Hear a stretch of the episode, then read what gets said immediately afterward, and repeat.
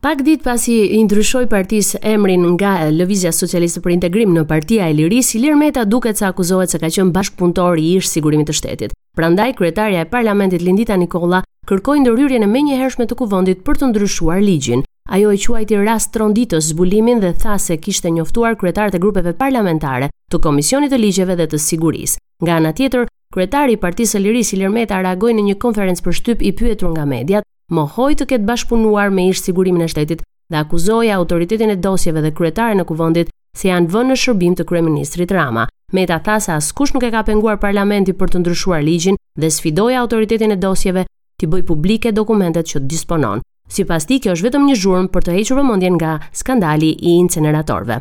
Akt të shëmtuar dhe të turpshëm e ka cilësuar edhe kreu i Partisë Demokratike Sali Berisha, publikimin e emrit të ish-presidentit Ilir Meta si bashkëpunëtor i Sigurimit të Shtetit. Në një reagim të tij, Berisha akuzoi Ramën se i tmerruar nga opozita, ai ka urdhëruar falsifikimin dhe manipulimin e dosjeve dhe sulmoi Metën në një akt hakmarrjeje të verbër. Për kreun e PD-së, Rama ka iniciuar këtë sulm për të tërhequr vëmendjen për vjedhjet e bëra gjatë drejtimit të tij si ish-kryetar bashkie dhe kryeministër. Duke dënuar këtë akt si amoral, Berisha tha se asgjë nuk do ta shpëtojë Ramën dhe ekipin e vjedhjeve të tij nga gjykimi publik popullor.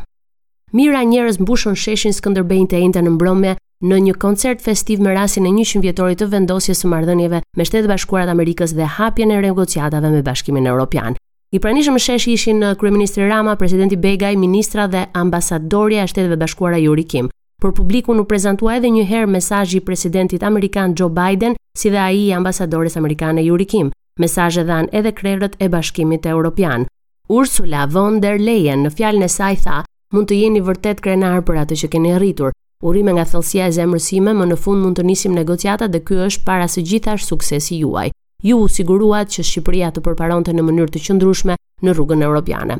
Edhe pse i pranishëm në shesh kryeministri Rama vendosi t'u drejtohej qytetarëve kështu. Nga vendi më i vetmuar, më i prapambetur, më i varfër i kontinentit, ne sot jemi jo ku e ku më të zhvilluar dhe më pak të varfër sesa vetëm tre dekada më parë, Po jemi më shumë se asnjëherë më parë në këto tre dekada të mbrojtur nga çdo rrezik në mes të dy aleatëve tanë të mëdhenj strategjikë, Shtetet e Bashkuara dhe Bashkimi Europian. Ndjehuni mirë sonte, ndjehuni mirë çdo ditë më tutje sepse më e fortë Shqipëria s'ka qenë kurrë, më të fortë se sot shqiptarët në Shqipëri dhe në këtë rajon s'kanë qenë kurrë, falë pa diskutim edhe dy kokave të shqiponjës, miqësive tona, Shteteve të Bashkuara dhe Bashkimit Europian.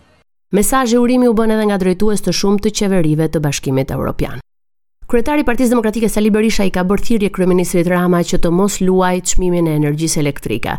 Përndryshe, Berisha është shprehur se Partia Demokratike do të organizojë një nga revoltat më të fuqishme që ka parë vendi. Sa i përket kryetarit të Partisë së Lirisë, Ilir Meta, Berisha tha se janë në komunikim të vazhdueshëm. Ai, gjithashtu në konferencën e përjavshme duke folur për energjinë elektrike, është shprehur se tenderat janë bërë në një platformë të pacertifikuar. Berisha theksoi se çmimi në bursë është 300 euro, ndërsa 300 euro kanë shkuar në xhepat e qeveritarëve.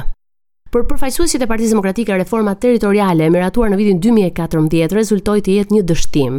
Në një takim me qytetarët, nënkryetari i demokratëve Oerd Bylykbashi tha se kjo reformë largoi shërbimet nga qytetarët. Një reformë e cila i përgjigjet interesit të qytetarëve, të komuniteteve, pavarësisht që është një reformë me një rëndësi thelbësore politike, por mbi të gjitha është interesi i qytetarëve.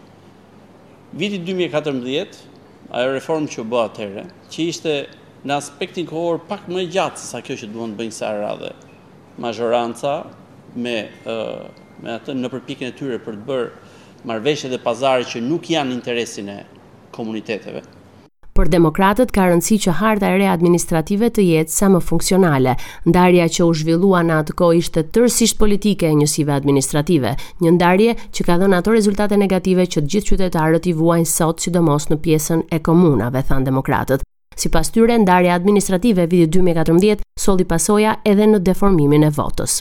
Pasi është betuar dhe ka nisur punën si president i ri i vendit, hirësia e tij Zoti Begaj ka dekretuar ministrat e rinj të Këshillit të Ministrave, të cilët ishin miratuar nga Kuvendi i Shqipërisë. Ata u betuan para kreut të ri të shtetit shqiptar. Pasi u lexua formula e betimit dhe dekretet përkatëse të emërimeve, anëtarët e Këshillit të Ministrave, zëvendëskryeministër dhe ministër i Infrastrukturës dhe Energjisë zonja Belinda Balluku si dhe ministër shteti dhe kryenegociator zonja Majlinda Dhuka, janë betuar para presidentit të Republikës Bajram Begaj, duke firmosur kështu dokumentin e betimit. Raportoi nga Tirana për Radio SBS Gerta Heta.